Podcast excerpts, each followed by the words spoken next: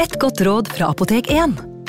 Nå er snart pollensesongen i gang, og et godt råd til deg som sliter med pollenallergi, er å begynne behandlingen i god tid før allergisesongen starter. Da får du nemlig enda bedre effekt av legemidlene, og så blir ikke våren din helt ødelagt. Kom innom og få råd på ditt nærmeste Apotek 1, eller chat med oss på apotek1.no. Apotek 1 vår kunnskap, din trygghet.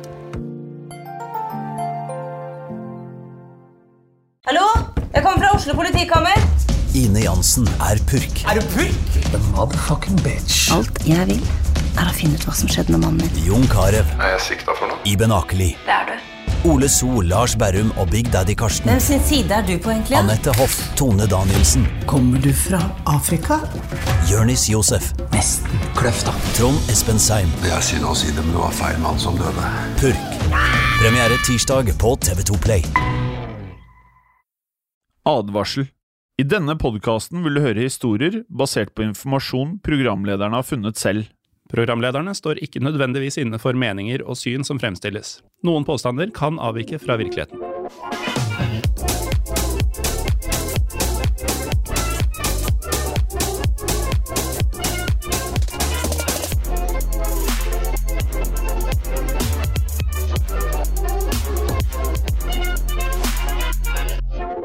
Hei og velkommen til en ny episode av Historiepodden. Mitt navn er Morten Galaasen. Og mitt navn er Jim Fosheim. Hei Enim. Hei, Morten. Du, For mange av lytterne så kan det være nå at de tror det er fire uker siden sist vi snakka sammen. Men da tar de feil. Ja, For vi kommer ut med Historiepodden hver eneste uke. Og ikke bare med Historiepodden, men Historiepodden WW2 og Gangsterpodden. Ja, Og i tillegg så finnes det masse annen snacks der vi kommer ut hver uke i disse tre fasongene. For vi snakker om appen Untold. Ja.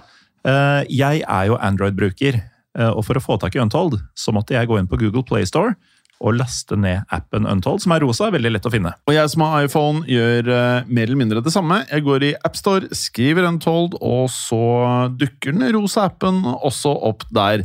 Og for deg som da ønsker å gjøre dette for aller første gang, så er det slik at du da får første måneden helt gratis. Ja, og det gjelder også Android-brukere, så det er sagt. Og dersom man verken vil bruke AppStore eller Google Play Store, så finnes det et tredje alternativ. Du kan bruke nettleseren din, skrive untold.app og få tilgang på den måten. Helt riktig. Eh, Morten, nå er det slik at vi skal prate om en konge.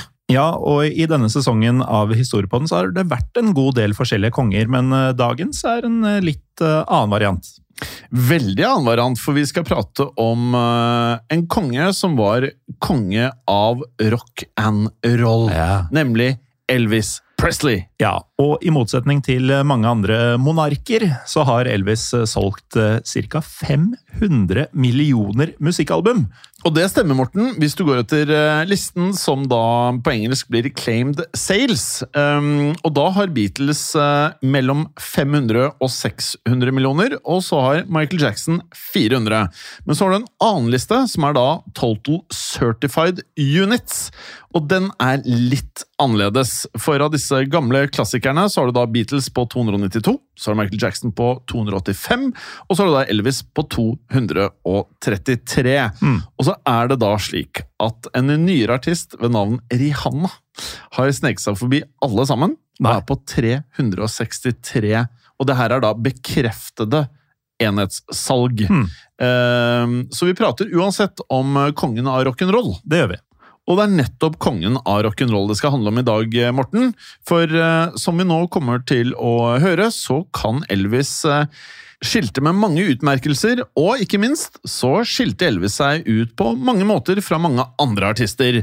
For i dag så skal vi gå gjennom eh, alt fra karate til drikkeglade sjimpanser og hedonistiske sandwicher, og et svært merkelig møte med en annen rocker, nemlig rockesangeren Alice Cooper. Men dette er bare noe av det vi skal prate om. Ja, og vi tar ting fra begynnelsen, vi, som vanlig. Så vi spoler tida tilbake til tirsdag den 8. januar 1935, som var dagen da Elvis Aaron Presley ble født. Riktig, Morten. Og Elvis han kom til verden i byen Tupelo i den amerikanske delstaten Tennessee. Og foreldrene til Elvis de het Vern Presley og Gladys Love Smith.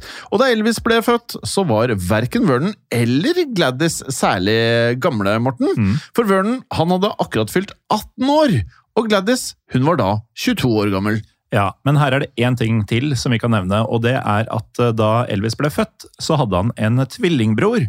Og dersom eh, fødselen hadde gått som planlagt, så ville denne broren fått navnet Jesse Presley. Men denne fødselen Morten, den gikk dessverre ikke etter planen, for eh, til Vernon og Gladys store sorg så var Jesse dødfødt. Noe mange kanskje ikke er klar over at eh, Elvis kunne ha hatt en eh, tvillingbror. Nei, og dette gikk da særlig hardt inn på moren hans, altså Gladys, og dette resulterte i at Gladys ga ekstra mye morskjærlighet til Elvis. Så gjennom oppveksten til Elvis så sørga Gladys for at hun alltid hadde Elvis i nærheten av seg, og med tida så ble hun overbevist om at Elvis var et eh, spesielt barn. For eh, slik Gladys så det, så hadde Elvis arva kraften til den avdøde tvillingbroren Jesse. Og dette i praksis, Morten, ville da betydd at Gladys da mente at Elvis hadde både styrken og talentet til hele to personer. Ja, eh, og på en måte kan man jo si at eh, hun fikk rett i det, men enn så lenge så var det ikke gitt at Elvis kom til å bli en superstjerne. For på dette tidspunktet så levde familien Presley i relativ fattigdom, så mens Elvis vokste opp, så var det ikke mange som la merke til han. Nei, og på skolen så ble Elvis ansett som en mer eller mindre gjennomsnittlig elev. Og siden vi da skal gjennom ganske mye innhold i dag, så velger vi å ikke bruke for mye tid på akkurat denne delen av livet hans. Nei, men vi kan likevel nevne at eh, i januar 1946 så fylte Elvis 11 år, og da fikk han en gitar i bursdagsgave. Så i løpet av de neste månedene så begynte Elvis å lære seg å spille gitar, og i løpet av 1946 så tok han gitaren sin med seg på skolen. Og dette bringer oss videre til neste del av historien, for på denne tiden så hadde man jo egne radiostasjoner i Tupelo. Og på en av disse stasjonene så var det en eh, lokal countrysanger som hadde sitt eget eh, program. Og dette var eh, en sanger ved navn Carwell Lee Osborne. Men artistnavnet hans, det var Mississippi Slim. Hmm. Så derfor så kommer vi bare til å kalle han Mississippi Slim. Ja, og Mississippi Slim han hadde visstnok en lillebror, og vi har ikke navnet på denne lillebroren, men eh, det vi vet er at han gikk i klassen til Elvis.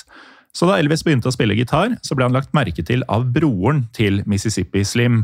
Og siden Elvis var en stor fan av radioprogrammet til Slim, så tok det ikke lang tid før broren til Slim introduserte Elvis til Slim. Og det som var veldig fint for Elvis, Morten, mm. det var at Slim likte Elvis svært godt. Oh, ja. For i tiden som fulgte, så skal Slim ha lært Elvis flere gitarakkorder. Sånn at da Elvis var blitt tolv år, i 1947, så lot Slim Elvis opptre på radioprogrammet hans? Ja, men dette var en opptreden som ikke akkurat eh, skapte sjokkbølger. For eh, på dette tidspunktet så var Elvis eh, angivelig nokså sjenert. Så derfor så imponerte han ikke lytterne til programmet. Han gjorde ikke det, men noen år senere skjønner du, så skulle Elvis utmerke seg. For nå tar vi oss til sommeren 1953, så vi hopper et lite stykke frem i tid. Mm. Da hadde Elvis fylt 18 år, og i løpet av tenårene så hadde han blitt eh, langt flinkere på både sang og på gitar. Og da han en dag kjørte forbi et skilt, så øynet Elvis en mulighet til å vise frem de musikalske ferdighetene sine.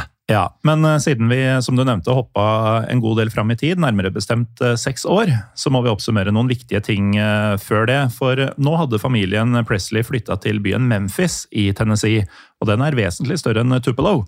Og her hadde Elvis begynt å utdanne seg til å bli elektriker, men eh, for å skaffe seg inntekter mens han studerte, så var han også lastebilsjåfør for et selskap som heter Crown Electrics.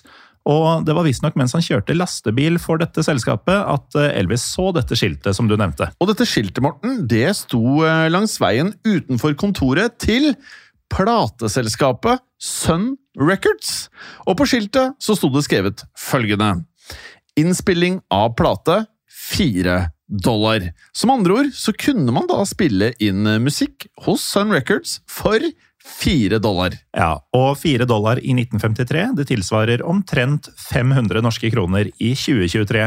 Så dette var ikke spesielt dyrt, og derfor så tok Elvis seg råd til å booke studiotid hos eh, Sun Records. Og med det så var det sånn at i tiden som fulgte, så hadde Elvis da flere såkalte innspillingssessions hos Sun Records. Og i januar året etter, i 1954, så ble en av disse innspillingene virkelig lagt merke til, og da ble opptakene til Elvis hørt av en ansatt i Sun Records.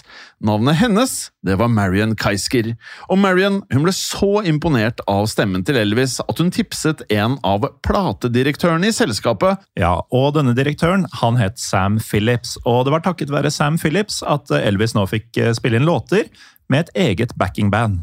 Og i juli 1954 så spilte Elvis og bandet hans inn låten That's All Right Mama. That's All Right Mama var egentlig da skrevet av den afroamerikanske bluesartisten Arthur Crudup. Det er ikke mange ganger vi synger i historiepodden, Jim, men det har skjedd før. Det kan jo skje igjen. Ja, det gjorde det akkurat nå. Eh, Ja, det gjorde det nå. Det skjedde nå. Men eh, coverversjonen til Elvis den ble langt mer populær enn originalen til Crudup. For da versjonen til Elvis ble sluppet, så ble den hans aller første hit. Og med det, Morten, så var karrieren hans som artist for alvor i gang. Ja, og nå gikk det unna, for eh, i løpet av de neste månedene så turnerte Elvis gjennom eh, sørstatene, og i oktober 1954, så vi er fortsatt i samme år, så stifta han et eh, særdeles viktig bekjentskap. For i forbindelse med en opptreden på radio, så møtte Elvis eh, denne colonel Tom Parker. Og Parker han ble en viktig mann for karrieren til Elvis. Men Parker, Morten, han eh, var likevel ikke akkurat den han utga seg for å være. For Parker han var i realiteten ikke en oberst. Nei, Som da er det norske ordet for colonel. Helt riktig, og selv om han da påsto at han eh, var amerikaner, så var Parker i realiteten en nederlender ved navn Andreas Cornelius van Coit. Ja, Det er ganske langt fra det navnet til Tom Parker. Men eh, for å gjøre det enkelt, da, så kan vi bare omtale denne Andreas Cornelis van Coik som colonel Parker. La oss gjøre det. Og med det sagt så kan jeg da legge til at Parker han var 45 år gammel i 1954. Men Parker han, eh, han hadde oppholdt seg rett og slett ulovlig i USA relativt lenge. Helt siden 1929, da han ankom landet som en 19-åring. Og etter hva vi kan forstå, Morten, så var det slik at han da flyktet fra Nederland etter at han da ble mistenkt i en drapssak. Ja, og nå vet vi jo ikke om Parker begikk dette drapet, men eh, jeg kan jo legge til for ordens skyld at offeret var en kvinne ved navn Anna van den Enden. Og vi forstår det også sånn at Parker ikke var den eneste, men en av flere mistenkte gjerningsmenn. Men eh, han slapp uansett unna tiltale da han flykta til USA, og da Parker møtte Elvis i 1954, så tok det ikke lang tid før Parker tok kontroll over karrieren til Elvis. For eh, to år senere, i 1956, så overtalte Tom Parker Elvis til å la Parker bli manageren hans. Ja, og Parker han var svært god til å gjøre forretninger, Morten. For i 1956 da, så fikk Elvis og Parker et tilbud fra et plateselskap som var langt større enn Sun Records. Dette selskapet het RCA Records, og nå ønsket RCA å signere Elvis som en av sine artister. Ja, og for både Elvis og Parker så var dette en meget lukrativ mulighet. Så nå inngikk Elvis en avtale med RCA, og ble deretter enda mer populær enn han hadde vært. For nå sørga Parker for at Elvis han fikk opptre på noen av datidens største TV-programmer i USA. Og i takt med at Elvis ga ut stadig flere låter, så fikk han et internasjonalt gjennombrudd som artist. Hva tenker du, Morten? Kan det være greit at vi eh, ja, går gjennom noen av låtene han eh, slapp på 1950-tallet? Ja, for eh, når man hører disse titlene, så skjønner man hvorfor gjennombruddet kom nå. Aha. Og Elvis han ga ut låter som Hound Dog, Heartbreak Hotel, Love Me Tender, All Shook Up, Blue Suede Shoes, Yale House Rock og A Big Hunk of Love. Og noen av disse titlene er relativt kjente, Morten, og noen av de største singlene som noen gang er sluppet. Ja, det er nettopp det, men eh, likevel var det ikke bare den musikalske kvaliteten på disse låtene som bidro til at Elvis ble en eh, superstjerne. For denne perioden, fra 1956 til 1959, den har blitt betegna som gullalderen for rock'n'roll. Og rock'n'roll den handla jo ikke bare om eh, musikk, Eh, det var også en livsstil som dreide seg om hvordan man både kledde og oppførte seg. Og når det gjaldt oppførselen hans, så skapte Elvis en eh, del sjokkbølger. Det gjorde han, og nå nevnte jo jeg en låt som het A Big Hunk of Love. Ja, og akkurat den tittelen er kanskje en passende beskrivelse på hvordan fansen til Elvis oppfatta Elvis. For eh, Elvis var en av de aller første artistene som eh, spilte på sex. Helt riktig, og da skulle det skje noe stort. For da Elvis opptrådte på TV, så virket han ofte på hoftene mens han sang. Og på denne tiden, Morten, så ble denne typen hoftebevegelser som da Elvis gjorde, ansett som fullstendig uhørte. Ja, Det var en litt annen tid, dette her. En helt annen tid, så når Elvis da opptrådte, så ble det derfor hysteriske tilstander blant eh, publikum hans. Spesielt blant kvinnelige fans. Ja, det kan du si, men eh, selv om Elvis var godt likt av jentene, så var han ikke like elska av alle andre. For i 1950-tallets USA så var eh, samfunnet langt mer konservativt enn i dag, og på grunn av det så fikk Elvis streng beskjed om å slutte å vrikke på hoftene sine. Helt riktig, og for å da helgardere seg, så begynte da flere TV-programmer å filme Elvis kun fra livet og opp! Tenk at noen hoftebevegelser eh, skapte så mye furore. Ja, nei, Det er helt utenkelig i dag, selvfølgelig, men uh, på denne måten da, så kunne da TV-seerne kun se overkroppen, og ikke se alt Elvis drev med med hoftene. Nei, men uh, selv om mange forsøkte å stanse denne hoftevrikkinga til Elvis, så var det lettere sagt enn gjort.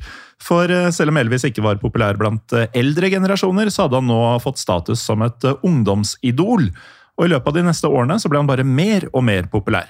Ja, han ble det, og i takt da med populariteten hans så fosset pengene inn.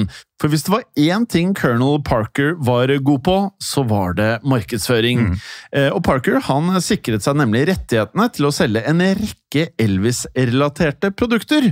Og mens Parker solgte alt fra Elvis-parfymer til Elvis-skjerf, Elvis-smykker, så vokste formuene til både Elvis og selvfølgelig Parker betraktelig. Ja, det rant uh, såpass mye penger inn at uh, i 1957 så kjøpte Elvis uh, sin egen villa i Memphis. Og dette var en villa som opprinnelig hadde blitt bygget i 1939 og var forholdsvis ny på den tida. Og den gikk, som mange sikkert skjønner og vet fra før, under navnet Graceland. Ja. Og Ut fra det vi har funnet ut, så betalte Elvis 100 000 dollar for denne eiendommen, og det er en sum som i dag tilsvarer om lag 10 millioner kroner. Akkurat her så føles konverteringen og, eh, kanskje ikke i helt mening. Nei. For her burde man jo, for at det skulle vært eh, et godt bilde av dagens verdier, også gjort rede for da, eiendomsverdien og utviklingen av eiendomsverdiene i området. Mm. Men um, jeg kan også legge til da, at eh, Elvis um, kjøpte Graceland, så flyttet både faren hans, Vernon, og også moren hans, Gladys, inn sammen med Elvis på Graceland. Og mens familien Presley da bodde under samme tak, så gikk karrieren til Elvis så det suste! For på folkemunne så hadde han nå blitt kjent som The King of Rock'n'Roll. Det hadde han, men eh, det var ikke bare innenfor musikk at eh, Elvis nå utmerka seg, for eh, på denne tida så ble han også stor i Hollywood. Så kan vi jo si litt om denne filmkarrieren til Elvis, kanskje, da, Morten. Mm. For takket være arbeidet til Colonel Parker, så fikk Elvis flere hovedroller i forskjellige filmmusikaler. Ja, og i tida fram til 1969 så spilte Elvis i hele 31 filmer, som for det meste var såkalte box office hits, altså at de var kjempepopulære. Så nå var ikke Elvis bare en bestselgende musikkartist, han var også en av verdens aller største filmstjerner. Men i 1958 så fikk Elvis et uh, problem. Mm. Og dette må vi prate litt om, eh, Morten, for dette skulle prege livet til Elvis. For i løpet av dette året så ble Elvis da innkalt til den amerikanske hæren. Og det var ikke nødvendigvis optimalt for karrieren hans. Nei, men eh, dersom Elvis eh, nekta å tjenestegjøre, så ville jo ikke det ta seg bra ut heller, for da kunne det jo se ut som at han utnytta denne stjernestatusen sin. Så Elvis og colonel Parker de ble derfor enige om at Elvis han skulle tjenestegjøre i militæret. Og med det så ble Elvis stasjonert på en amerikansk militærbase i det som da het Vest-Tyskland. Men da skjønner du, da mistet Elvis et av kjennemerkene sine. Mm. For som lytterne sikkert vet, så var Elvis også kjent for håret sitt. For håret hans, Morten, det var litt annerledes enn ditt.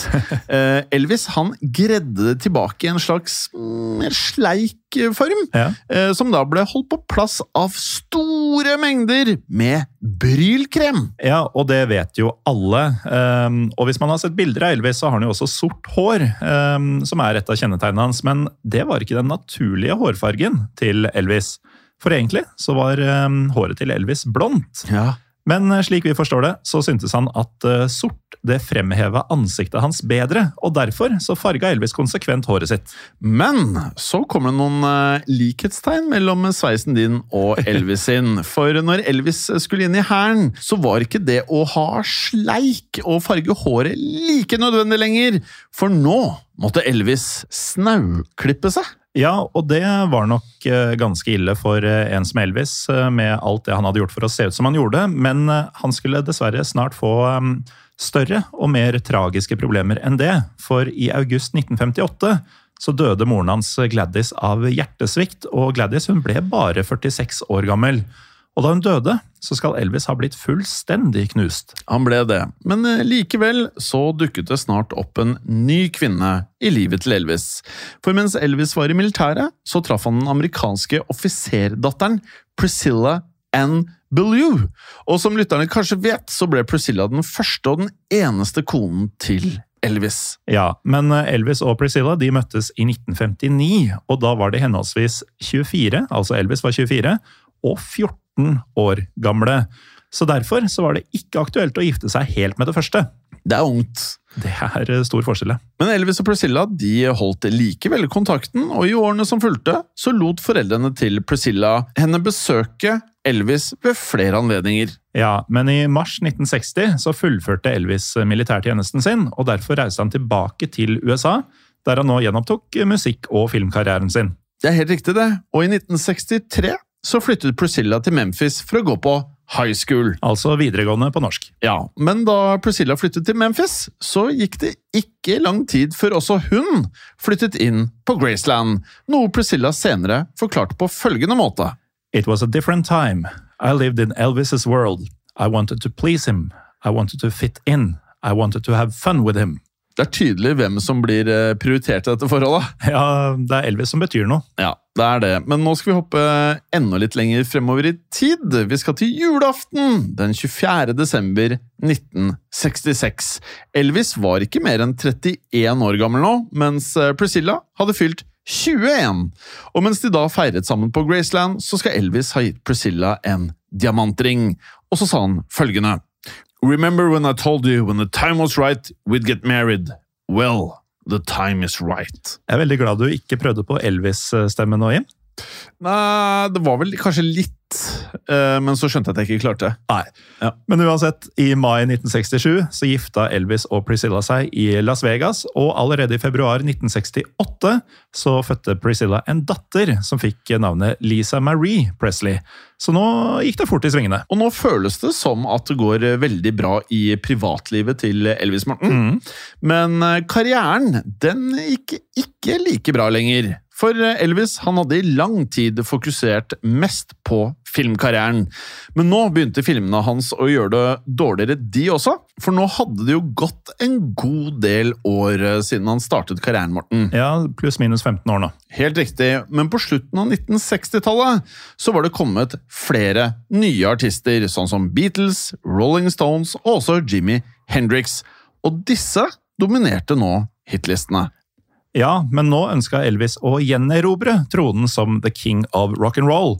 Og Derfor bestemte han seg for å satse på musikk igjen. Og For å markere denne tilbakekomsten fra film til musikkverden, så stelte Elvis i stand en TV-sendt konsert, og denne ble da vist på TV i desember 1968 og fikk navnet The 68 Comeback Special. Og I dag så regnes da The 68 Comeback Special som et av de mest ikoniske øyeblikkene i hele karrieren til Elvis. For i tiden som fulgte, så ble Elvis nok en gang utrolig populær, og for første gang på flere år så toppet han igjen hitlistene, denne gangen med låten Suspicious Minds. Ja, og Den 31. juli 1969 så var Suspicious Minds én av låtene som Elvis opptrådte med i Las Vegas.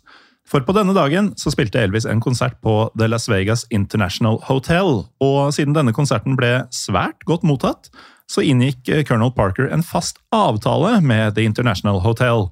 Noe som ble starten på en ny periode i livet til Elvis, og den har fått et veldig beskrivende navn nemlig Las Vegas-perioden hans. Ja, for nå gikk Elvis med på å ha lange perioder der han spilte two shows a night.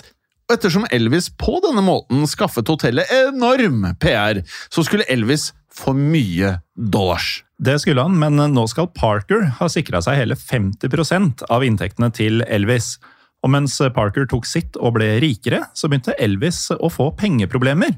For på 1970-tallet så hadde Elvis utvikla det som må kalles en eh, rimelig ekstravagant eh, livsstil. Jim. Ja, for han tjente mye penger.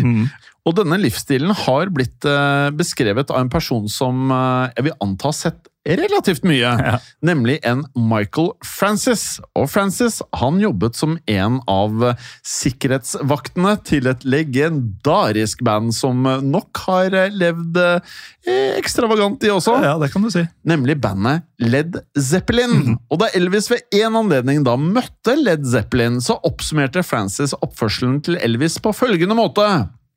Elvis virket større enn livet. Alt han gjorde, var å dele ut gaver som klokker, morgenkåper og smykker.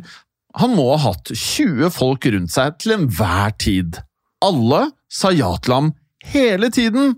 Han tok en del kokain. Ja, Dette var eh, oppramsende, et oppramsende sitat fra denne sikkerhetsvakta, men, Og et veldig beskrivende sitat, for det høres meget dyrt ut, dette her. ja, men det skal bli dyrere. For eh, klokker, smykker, morgenkåper og kokain det var ikke de eneste utgiftene som Elvis hadde på denne tida. Nei. For på 1970-tallet så hadde han også sitt eget eh, privatfly. Selvfølgelig har han det. Han eide en eh, yacht, Måtte jo ha det, og denne yachten hadde da tidligere tilhørt president Franklin D. Roosevelt. for det var jo viktig. Ja, og på Graceland så hadde Elvis i tillegg eh, latt eh, Han lot jo familie og kone og sånn flytte inn i sin tid. Nå hadde også en sjimpanse ved navn Scatter fått lov å flytte inn på Graceland. Ja, Tydelig at uh, artister som selger mye album, Ja. de har sjimpanser. Ja. For Michael Jackson han hadde jo Bubbles. Det er det. Ja, Så klar korrelasjon mellom eh, mestselgende artister i verdenshistorien og eh, sjimpanseeierskap. Og det og da eh, at hjemmet har en tittel eller et navn. Ja. Neverland. Graceland. Um, og I arbeidet med episoden Morten, så har vi funnet en beskrivelse av oppførselen til denne sjimpansen, altså Scatter. Hør på dette. Scatter likte å gjemme seg inn på badene til Elvis og hoppe ut for å skremme folk som kom inn. Han rev også ned dyre gardiner og hadde en tendens til å kaste ting, og av og til så bet han folk. Angivelig var Scatter glad i øl og whisky, noe som kan forklare all bitingen. Ja, og det, det er et par ting man merker her. Altså, det ene er at Vi snakker om veldig mange drikkende dyr i historiepodden. Ja, det har vi hatt mye av. Ja. Spesielt bjørner. eh, Men også en eh, sjimpanse. Ja. Eh, Og så lurer jeg litt på sånn, hva er oppsiden med å ha Scatter i huset, hvis dette er det han bidrar med? Det virker som at når du blir stor nok kjendis, så ønsker du dyr eh, som egentlig bør være en jungel Ja. i huset ditt. Ja, det kan være det. Um, en som tilsynelatende kanskje ikke syntes det var så uh, hyggelig å bo under samme tak som Scatter, det var Priscilla. For i 1973 så hadde ekteskapet mellom Priscilla og Elvis begynt å skrante, og selv om Priscilla fortsatt var glad i Elvis, så bestemte hun seg for å søke om skilsmisse. Og denne skilsmissen den trådte i kraft i oktober 1973. Og så vidt vi forstår det, så var dette noe som Elvis tok rimelig tungt. Ja, men eh, han hadde dessverre ikke tid til å lade batteriene. For eh, han hadde som nevnt da inngått denne konsertavtalen med The International Hotel i Las Vegas. Så selv om Elvis slet i privatlivet, så måtte han likevel opptre syv dager i uken. Ja, og det var jo two shows a day, så det var da 14 opptredener i løpet av uka. Og dette foregikk gjennom store deler av året. Helt riktig, og dette skapte da et enormt press for Elvis, noe som dessverre bidro til at han begynte å bruke store mengder narkotiske stoffer. Ja, For Elvis var jo sliten, og da måtte han ha nok energi til å kunne stå på scenen kveld etter kveld. Så mens Elvis hadde disse periodene hvor han spilte i Vegas, så brukte han stadig flere reseptbelagte medisiner. Og da var det snakk om alt fra oppkvikkende midler til smertestillende og også beroligende medikamenter. Og nettopp dette stoffmisbruket det satte snart sitt preg på Elvis. Men enn så lenge så var han relativt frisk, noe som blant annet kom til uttrykk ved at Elvis praktiserte karate. Ja, for eh, som lytterne kanskje vet, så var Elvis eh, svært interessert i kampsport. For mens eh, han tjenestegjorde i militæret, så hadde en av offiserene til Elvis introdusert ham for karate, og i årene som fulgte, så ble Elvis eh, en karateentusiast. Han ble faktisk en entusiast av rang, Morten, for i mars 1973 så trente Elvis hos en karatemester i Memphis. Og denne karatemesteren het Kang Re.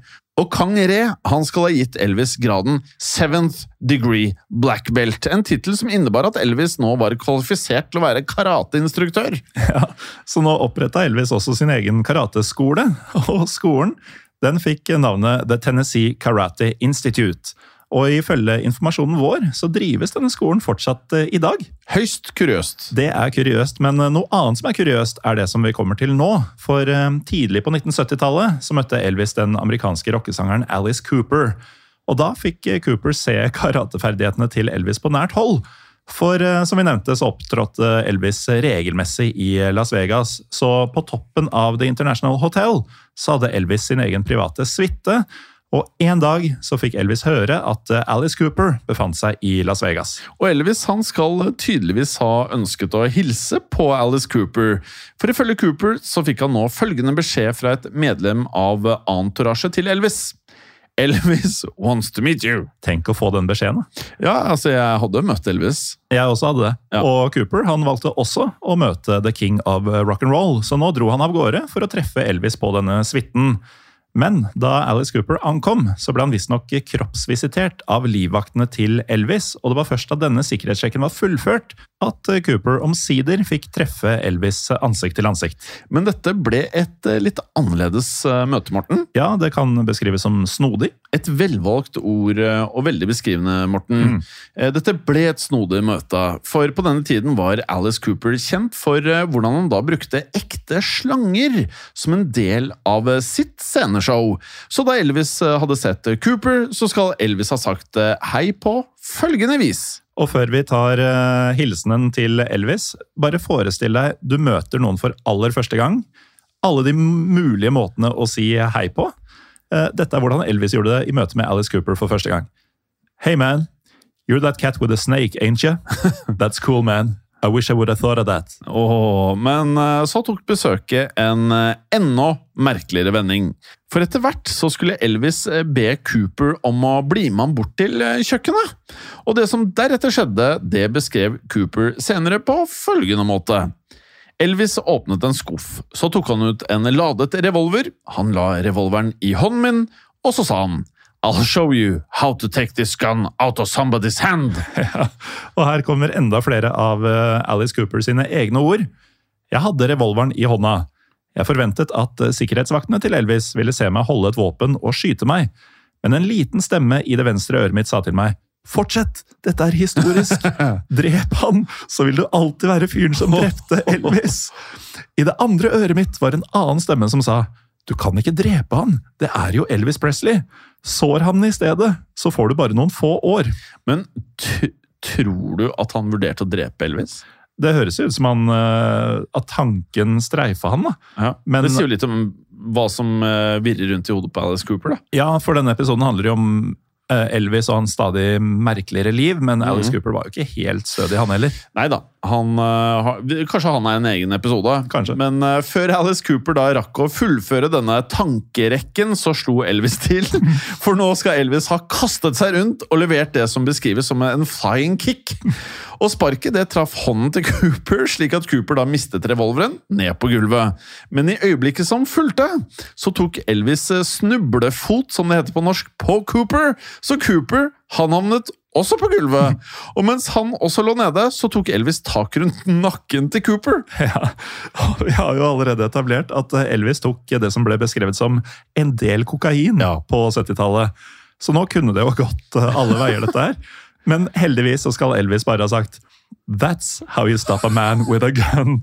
Og så slapp han Alice Cooper fri, og Elvis og Cooper de skiltes derfor på sett og vis som venner. Ja, det er en eh, ganske kuriøs historie, for å si det mildt. Men dessverre, Morten, så ble ikke dette vennskapet veldig langvarig. For eh, nå skal vi ta oss til 1977. Og da hadde helsen til Elvis virkelig begynte å bære preg av livsstilen hans, noe som blant annet kunne ses på kroppen hans. Ja, og det er vel ikke noen pen måte å si dette på, men eh, Elvis hadde rett og slett eh, lagt eh, skikkelig på seg. Og det var ikke bare pga.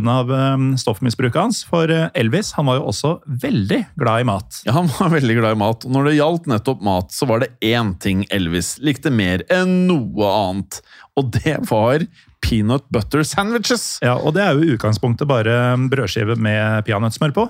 I utgangspunktet. Ja. For eh, Elvis han hadde jo sin egen oppskrift på nettopp disse peanut butter sandwiches. Ja, og det var en kaloririk eh, oppskrift, for um, disse sandwichene til Elvis de besto av to stykker brød, smurt tykt med kremet peanøttsmør, toppet med bananskiver. Så langt høres det ikke så ille ut. Ja, Dette høres jo ut som noe man eh, nesten burde teste selv. Ja, eh, Bananskivene kunne også være i form av most banan, men eh, det hele skulle krones med tykke strimler av bacon. Ja, og her, eh, totalen her er nok eh, et, eh, ja, en stor middag. Og her kan vi jo legge til at Elvis han stekte sandwichene i en stekepanne, før han deretter slukte dem, én etter én. Ja, For det var ikke én sandwich per måltid. Nei, så vi begynner å forstå hvordan han da gikk opp i vekt. Ja, Og han gikk ikke bare litt opp i vekt, for eh, Elvis han var eh, visstnok eh, 1,82 høy. Um, slik vi forstår det, og her spriker kildene ganske bra, eh, så veide Elvis nå et sted mellom 112 kilo og 157 kilo. Så han var eh, overvektig uavhengig av hvilken av disse som gjelder, men eh, vi kan også si svært overvektig um, på en del av skalaen her. Mm. Uh, Og dette skulle få fatale konsekvenser, for nå tar vi oss til morgen den eh, 16. august 1977. Elvis var nå 42 år gammel og befant seg hjemme på Graceland. Og i løpet av dagen så måtte Elvis eh, på do. Og um, Elvis han gikk da på toalettet, visstnok ikledd en gullpysjamas. Og så satte han seg ned for å gjøre det han eh, måtte gjøre. Men pga. overdrevent medikamentforbruk og fedme så sto det svært dårlig til med hjertet til Elvis. Og for å gjøre det verre, så led han også av ekstrem forstoppelse. Og dette har blitt beskrevet som en virkelig uheldig kombinasjon.